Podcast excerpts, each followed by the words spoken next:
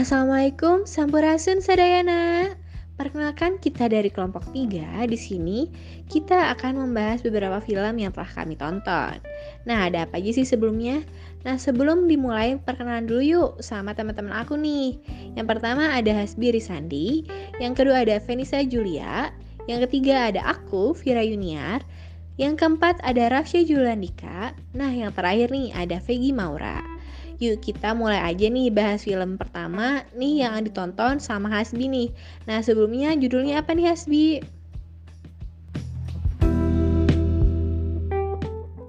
Nah jadi uh, film yang ku tonton kemarin itu uh, judulnya Thank You for Smoking. Nah jadi Thanks for Smoking ini menceritakan uh, tentang seorang pelobi atau juru bicara yang namanya Nick Naylor dia seorang wakil ketua Akademi Penelitian Tembakau yang bertugas untuk mengkampanyekan tentang rokok. Jadi Nick ini bekerja untuk mengenalkan rokok yang sebenarnya sudah diketahui oleh semua kalangan, semua masyarakat bahwa merokok itu berbahaya. Jadi Nick Naylor ini mempunyai uh, yang bisa dibilang grup yang sering berkumpul uh, bertiga, tiga orang, uh, biasanya disebut dengan MOD atau Merchant of Death jadi sahabat Nick ini uh, yang bernama Polly Bailey adalah seorang juru bicara dari produk alkohol. Sedangkan sahabat yang satunya lagi bernama Bobby J yang berprofesi sebagai juru bicara tentang senjata api. Jadi uh, mereka bertiga ini ya sama-sama memiliki uh, dalam satu perusahaan yang berujung kematian gitu. um, mereka ini memiliki kesamaan yaitu mewakili dari bisnis masing-masing yang produknya tersebut dapat menyebabkan kematian. Mereka pun sering bertemu uh, satu sama lainnya dan membahas tentang pekerjaan mereka serta memberikan masukan satu sama lainnya. Uh, suatu hari Nick pun diundang dalam sebuah acara talk show. Ia pun di sana menjadi bintang tamu acara tersebut. Namun tiba-tiba saja uh, ketika ia telah mengisi acara talkshow tersebut, uh, dia tuh uh, mendapatkan masalah yang cukup besar. Nick mendapatkan sebuah ancaman pembunuhan. Ia pun langsung kaget ketika dirinya sedang dalam incaran untuk dibunuh. Hingga akhirnya ancaman tersebut pun terjadi pada Nick. Nick pun diculik dan hampir saja ia tewas dibunuh. Namun, uh, beruntung saja dirinya bisa selamat dari kejadian maut yang hampir merenggut nyawanya tersebut. Namun sejak uh, namun sejak uh, kejadian tersebut Nick tidak diperbolehkan untuk merokok lagi. Nah, ya, jadi seorang juru bicara suatu perusahaan rokok yang memerangi isu kesehatan rokok dari sisi pemerintah yaitu Nick Naylor. Seorang juru bicara atau Lobby Academy of Tobacco Studies yang lihainya eh, yang dengan lihainya uh, membawa nama perusahaan notabene pabrik rokok menjadi uh, meningkatkan citra baik perusahaannya. Namun di balik itu ia harus menjadi sosok ayah yang dibawakan oleh anaknya yaitu namanya Joy Naylor. uh, suatu ketika ia mendapatkan ide untuk meningkatkan citra lebih baik jika menggandeng uh, dengan pelaku entertainment yaitu film dan televisi. Dalam masa itu dalam masa itu, media massa dan cetak dalam film televisi dan koran mempunyai pengaruh besar dalam dunia bisnis. Ide yang dibawa oleh Nick Naylor disambut baik oleh bos besar yang disebut dengan Captain.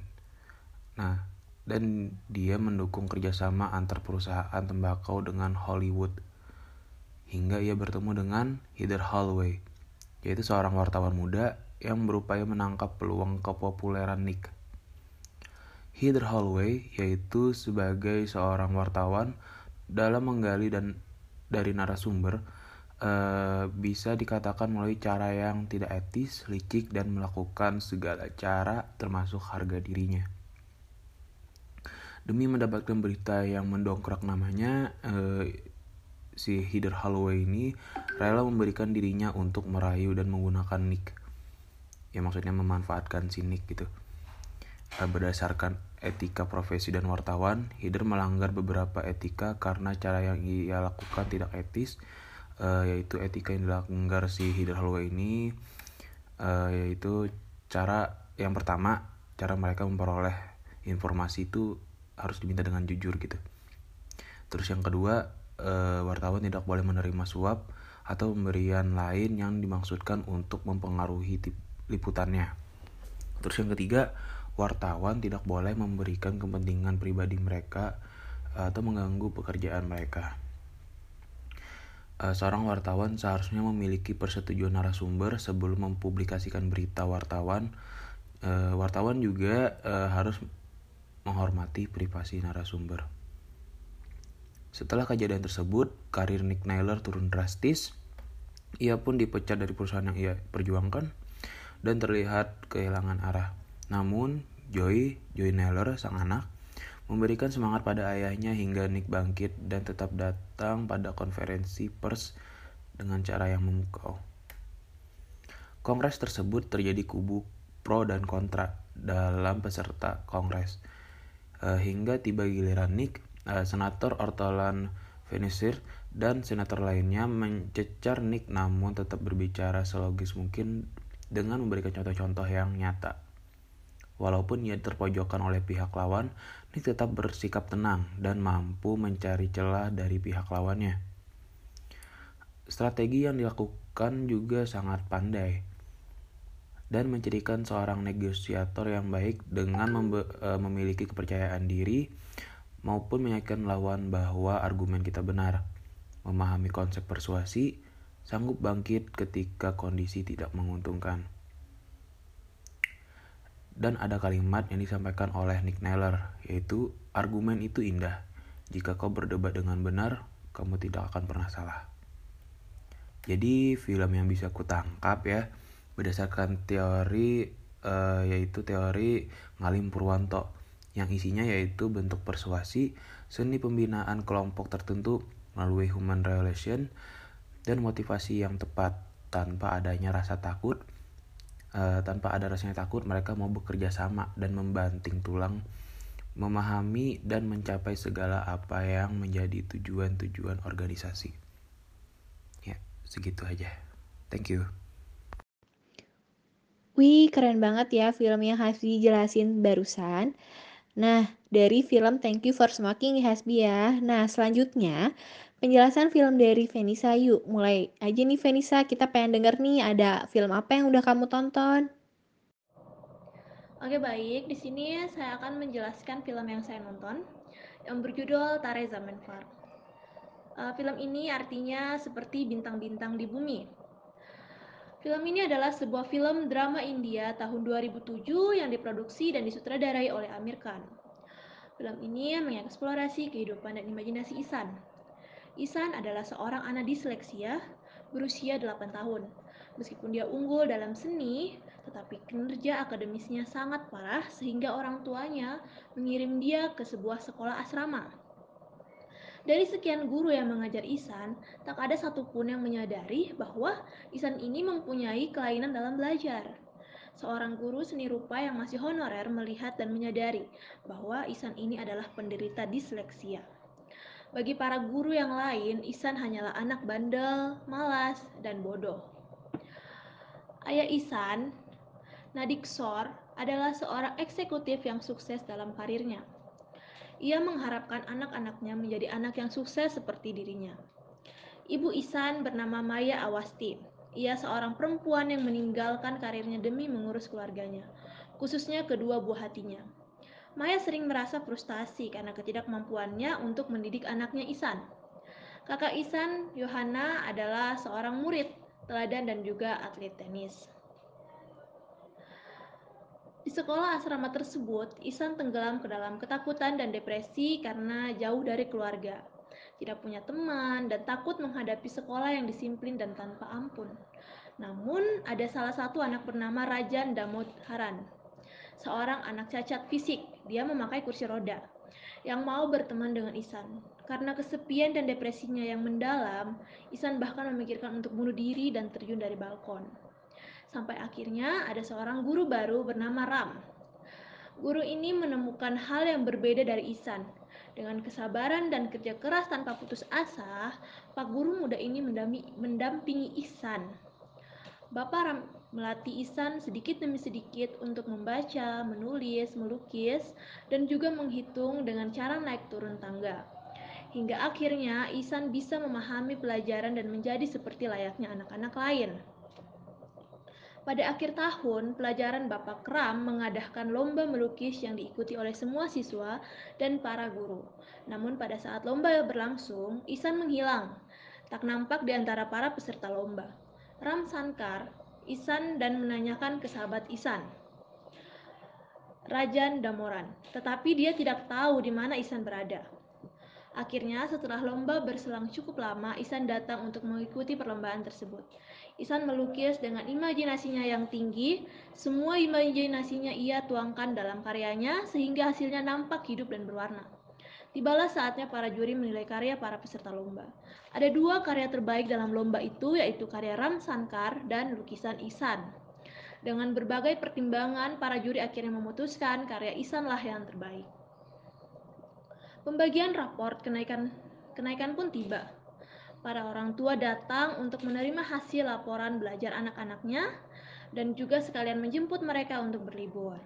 Demikian pula orang tua Isan pun datang menjemputnya. Betapa kagetnya kedua orang tuanya karena nilai Isan baik. Tak kalah membanggakannya karena lukisan Isan menjadi sampul belakang buku tahunan sekolah. Sementara wajah Isan menjadi sampul depan lukisan karya Ram. Tentu saja keluarganya tak menyangka ini terjadi pada anaknya. Mereka sangat bangga akan apresiasi Isan.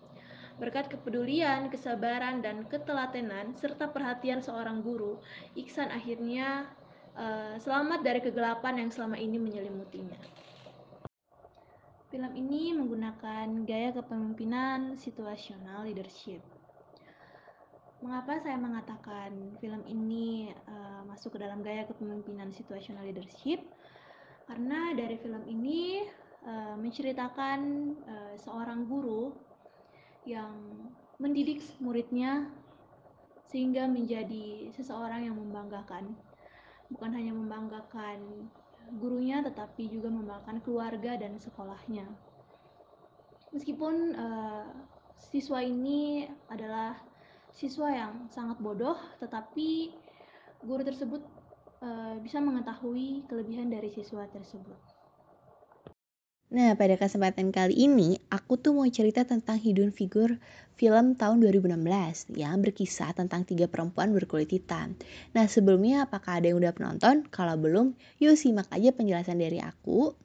Nah, Eh, saat itu memiliki kaum minoritas di Amerika Serikat, AS. Mereka adalah Mary Jackson, Dorothy Vaughan, dan Catherine Goble. Nah, Mary Jackson adalah seorang ahli teknik yang pernah ditolak menjadi teknisi di NASA. Selanjutnya penjelasannya adalah pada tahun 1926 di Whitesburg, West Virginia terdapat seorang anak perempuan bernama Catherine. Catherine saat ini merupakan murid dari kelas 6 SD yang memiliki kemampuan luar biasa. Dia sangat cerdas dalam pelajaran matematika sehingga saat dirinya menginjak kelas 6 SD, Institut West Virginia yang merupakan sekolah terbaik di Provinsi Virginia memberikan beasiswa kepada Catherine dan memberikan kesempatan pada Catherine untuk langsung masuk ke kelas 8 atau setara dengan kelas 2 SMP. Setelah itu, tepatnya pada tahun 1961 di Hampton, Virginia, Catherine sudah beranjak dewasa dan bekerja di NASA. Setelah ditolak, Catherine bersama tem dua temannya yang bernama Dorothy Vaughan dan Mary Jackson merupakan bagian dari NASA yang bergabung dalam West County Group. Namun tidak semudah itu uh, bekerja di NASA karena kulitnya hitam. Dia mengalami beberapa perbedaan dari teman-temannya yang uh, menggambarkan hari pertama uh, kerja Catherine di Space Tech Group, berbagai macam syarat yang diber, di, diberikan kepada uh, Catherine oleh Mr. Mitchell harus dipatuhi oleh Catherine juga. Nah, mengingat dirinya adalah perempuan kulit hitam pertama yang bekerja di komputer, saat itu di Space Tech Group, Catherine ma masuk ke dalam ruangan. Namun saat masuk ke ruangan, uh, semua orang semua orang uh, melihat ke isi-isi ruangan dan melihat ke Catherine dan bahkan uh, Catherine dianggap sebagai yang membersihkan ruangan. Karena di situ semua isinya adalah laki-laki kulit putih yang bekerja di komputer. Nah, saat itu juga uh, akhirnya dirinya mendapat meja sendiri dari sek, uh, sekretaris Mr. Harrison setelah memperhatikan dirinya adalah sebagai komputer. Pekerjaan pertama Catherine uh, saat itu adalah memeriksa kembali uh, perhitungan Mr. Powell uh, yang merupakan pimpinan insinyur di Space Test Group. Saat dirinya harus menghitung, Catherine gelisah karena harus ke toilet. Nah, karena di Space Test Group ini dirinya harus menghitung. Nah, saat menghitung uh, Catherine ini harus ke toilet kan. Nah, tapi di uh, Space Test Group ini tidak ada dan tidak menyediakan uh, toilet untuk uh, kulit hitam.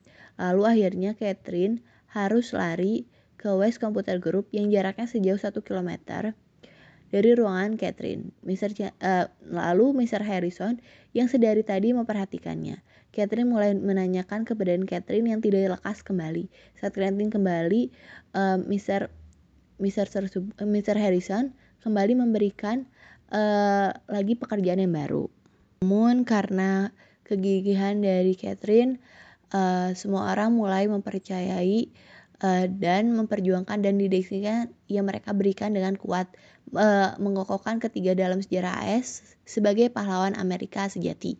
Selain itu, Pula film Hidden Figure ini menggambarkan perempuan yang layak dan pantas untuk mendapatkan pendidikan yang sama seperti laki-laki. Hal ini terlihat dari Mary yang uh, merupakan teman dekat dari Catherine. Nah, dari film yang udah saya jelaskan barusan, uh, saya bisa menyimpulkan uh, gaya kepemimpinan yang digunakan pada film tersebut adalah gaya kepemimpinan dari film ini yang saya pribadi adalah uh, gaya kepemimpinan Belly Lawson. Kenapa gaya kepemimpinan Belly Lawson? Karena menurut saya uh, hubungan di mana salah satu dari pemain ini memiliki jiwa leadership yang tinggi dari pihak lain dan mampu mempengaruhi beberapa pihak untuk mendengarkan pendapat dari si Catherine ini. Walaupun uh, cukup waktu untuk uh, semua orang bisa mempercayai dan uh, mengakui bahwa Catherine ini cerdas uh, mampu uh, tapi Catherine mampu membuktikan bahwa pemikirannya ini uh, dan katakannya itu benar. Nah, kelebihan dari gaya kepemimpinan dari Bailey Closer ini adalah dia mampu memberikan suara yang suaranya untuk berpendapat dan mampu membuktikannya. Nah, tapi kelemahannya ini adalah mungkin terdapat pro dan kontrak dari orang-orang sekitar terlebih dahulu. Nah, uh, film ini juga uh, sangat amat bagus untuk ditonton oleh semua kalangan karena uh, memiliki beberapa uh, beberapa uh, motivasi untuk uh, untuk itu jadi mampu beberapa motivasi. Jadi menurut saya film ini sangat rekomendasi untuk ditonton. Sekian dari penjelasan saya. Mohon maaf bila ada salah kata. Uh, bye bye Nah, segitu aja nih film yang bisa saya jelaskan. Selanjutnya kita bahas film dari Rafja Julanika nih. Film apa nih Rafja yang bakal diceritain? Yuk simak yuk. Hai, uh, di sini aku mau nyeritain sedikit film yang berjudul Darkest Hour. Jadi film ini itu menceritakan tentang dokumenter untuk mengenang Perang Dunia Kedua dari sudut pandang negara Inggris. Film ini itu ceritanya eh, di tengah-tengah Perang Dunia Kedua antara negara Inggris, Prancis, dan Jerman yang dipimpin oleh seorang ketua Nazi yaitu Adolf Hitler. Kemudian ada seseorang perdana menteri dari Inggris yang baru menjabat yang bernama Winston Churchill yaitu sebagai karakter utama. Dia itu sekarang sedang dihadapkan dengan kedua pilihan yang sulit yaitu berdamai dengan Jerman dan melakukan perlawanan kepada Jerman sampai titik darah penghabisan. Menurut saya, gaya kepemimpinan yang digunakan oleh Winston Churchill itu adalah otoriter. Pemimpin melakukan kontrol terhadap staf, membuat keputusan sendiri dalam menentukan tujuan kelompok. Kenapa? Nih, mari kita bahas. Jadi, pada saat itu, banyak parlemen yang tidak setuju terhadap diangkatnya Winston menjadi Perdana Menteri dikarenakan Winston itu suka merokok dan mabuk-mabukan. Sehingga ditakutkan salah dalam mengambil keputusan dikarenakan Winston selalu mengambil keputusan berdasarkan kemauannya sendiri dan juga emosi Winston Churchill ini tidak stabil. E, pada saat pidato pertamanya, Winston menjadi Perdana Menteri, Winston langsung memutuskan untuk melanjutkan perang dengan Jerman sampai titik darah penghabisan. Dengan alasan untuk membantu Perancis. Sedangkan banyak parlemen yang menentang keputusan Winson dikarenakan banyak parlemen ingin berdamai dengan Jerman dengan alasan yaitu eh, jika perang dilanjutkan maka akan semakin banyak tentara Inggris yang meninggal dalam perang. Apabila berdamai mungkin banyak tentara juga yang selamat dari peperangan tersebut. Eh, akan tetapi setelah mendengar pendapat dari parlemen-parlemen yang lain, Winson masih kekeh dengan keinginannya, yaitu melakukan perang melawan Jerman. E, kemudian beberapa hari kemudian, Jenderal Perang dari Prancis mengatakan bahwa Prancis sudah menyatakan berdamai dengan Jerman dan juga saat itu keadaan negara Inggris sekitar 300 ribu tentaranya mundur dari serangan Nazi. Kemudian setelah mendengar itu Winson tidak mau Prancis jatuh kepada tangan Jerman. Kemudian Winson pun tidak terima dan Winson datang kepada parlemen perang Prancis dan mengatakan kepada Prancis untuk tidak menyerah dan tetap melakukan perlawanan kepada Jerman untuk menyelamatkan Eropa dari serangan Jerman. E, kemudian pada saat Winson pulang dari Prancis ke Inggris, semakin banyak yang tidak setuju dengan apa keputusan yang diambil oleh Winson dan menyuruh Winson untuk berdamai dengan Nazi. Akan tetapi karena Winson keras kepala dan emosinya tidak stabil, Winson tetap teguh dengan pendiriannya, yaitu tetap melakukan perang dengan Nazi atau Jerman. Dikarenakan Winson juga sudah memikirkan dan sudah memiliki strategi yang cukup baik dan bisa menyelamatkan banyak tentara Inggris dari rencana yang dinamakan Operasi Dinamo. Jadi eh, strategi Winson ini dinamakan Operasi Dinamo. Singkat cerita, Operasi Dinamo pun dilakukan. Dan tidak disangka-sangka ternyata operasi ini berhasil dengan lancar dan sukses. Operasi ini juga berhasil menyelamatkan sebanyak kurang lebih yaitu 300 ribu. Dari perkiraan awal yang bisa diselamatkan hanya 30 ribu. Setelah kejadian itu sekarang semakin banyak warga negara Inggris dan banyak parlemen yang setuju dengan keputusan Winson. Yang sangat tidak setuju juga sekarang menjadi setuju dengan keputusannya.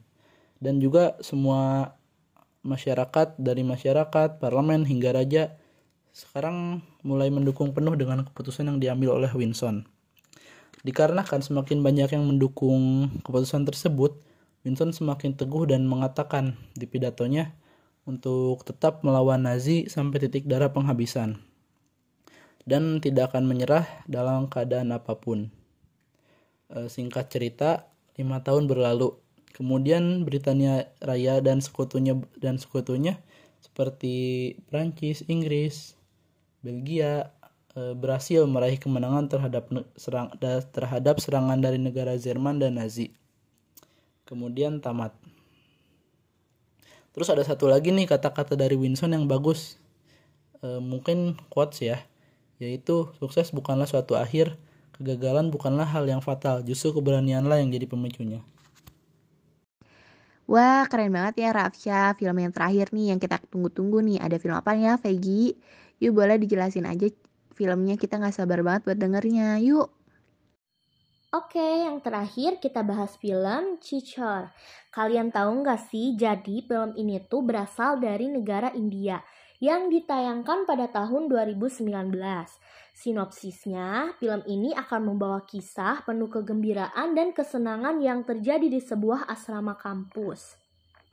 Dunia di mana seseorang bertemu dengan karakter baru yang menarik, berbagi waktu bersama, dan berakhir jadi teman sejati seumur hidup.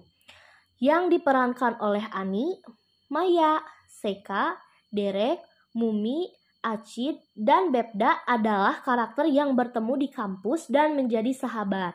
Bersama-sama, kelompok ini akan menjalani masa-masa indah, senang, dan sedih saat mereka berpisah Kelompok ini akhirnya bertemu kembali dengan cara yang tidak pernah mereka pikirkan sebelumnya. Jadi cerita pertama-tamanya tuh pria bernama Anirud Patak atau bisa disebut Ani merupakan seorang pria parubaya yang tinggal di daerah Mumbai bersama putranya yang bernama Raghav. Uh, usai dia menceraikan istrinya yang bernama Maya. Raghav berada uh, dalam tekanan besar sebab dia baru saja melakukan ujian masuk bidang teknik. Kedua orang tuanya memiliki peringkat saat ujian masuk. Akibatnya, Raga pun merasakan tekanan yang luar biasa, namun Ani yakin dia uh, akan berhasil. Pada akhirnya, uh, hasilnya keluar dan Ragap gagal. Takut dia akan dicap pecundang seumur hidupnya, dia pun berusaha membunuh diri dengan melompat dari ketinggian. Dia selamat, namun dokter yang merawatnya bernama Dokter Kasbekar menjelaskan peluangnya pulih sangat kecil. Ani jelas merasa patah hati dan tanpa pilihan dia memutuskan untuk mengadopsi Ragab, mendapati kemauan hidup. Dia menceritakan kisahnya sebagai mahasiswa teknik di National College of Technology. Dia berada di kamar hotel nomor 4 yang dianggap tempat orang-orang The Loser. Awalnya Ani terkejut namun perlahan menjadi teman baik seperti Seka, Mumi, Derek, Asam, dan Bebda. Jumlah gadis dalam jurusan teknik sedikit dan paling populer yaitu Maya. Ani merayunya dan mereka mulai berkencan. Ani dan lainnya masih disebut The Loser dan ada alasan untuk hal tersebut. Kejuaraan umum turnamen olahraga berlangsung setiap tahun. Para siswa dari asrama H4 selalu gagal dan merupakan yang terakhir. Ragi dari H3, seorang juara, e, menginginkan semua siswa pemenang dari asrama lain berada di asramanya. Dia menggunakan dia mengundang Ani karena juara basket namun Ani menolak sehingga Ragi marah. Hampat memutuskan menghilang tanda mereka sehingga mereka berupaya menghadapi rintangan untuk meraih trofi. Waktu sekarang, Ragab berhenti memburu usai mendengar kisah The Loser. Namun tidak ada perbaikan. Apa yang terjadi berikutnya dalam kilas balik dan juga waktu sekarang membentuk film Cicar. Nah, kalau misalkan menurut aku nih, film Cicor tahun 2019 ini yaitu e, menggunakan gaya kepemimpinan demokratik. Kenapa e, menggunakan gaya kepemimpinan demokratik? Karena pemimpinnya itu menggunakan posisinya untuk mendapatkan pandangan dan e, pemikiran bawahan serta memotivi, memotivasi e, mereka untuk menentukan tujuan dan mengembangkan rencana. Seperti halnya dalam film ini, waktu e, Raga berhenti memburuk usai mendengarkan kisah The Loser. Mungkin cukup sekian sih cerita dari film Cicor ini yang bisa aku sampaikan. Nah, dari semua film yang kita bahas, Mana nih yang jadi favorit kalian? Mungkin hanya segitu aja yang bisa kami bahas dari beberapa film yang menampilkan gaya kepemimpinan yang berbeda. Selebihnya kalian bisa nonton sendiri ya.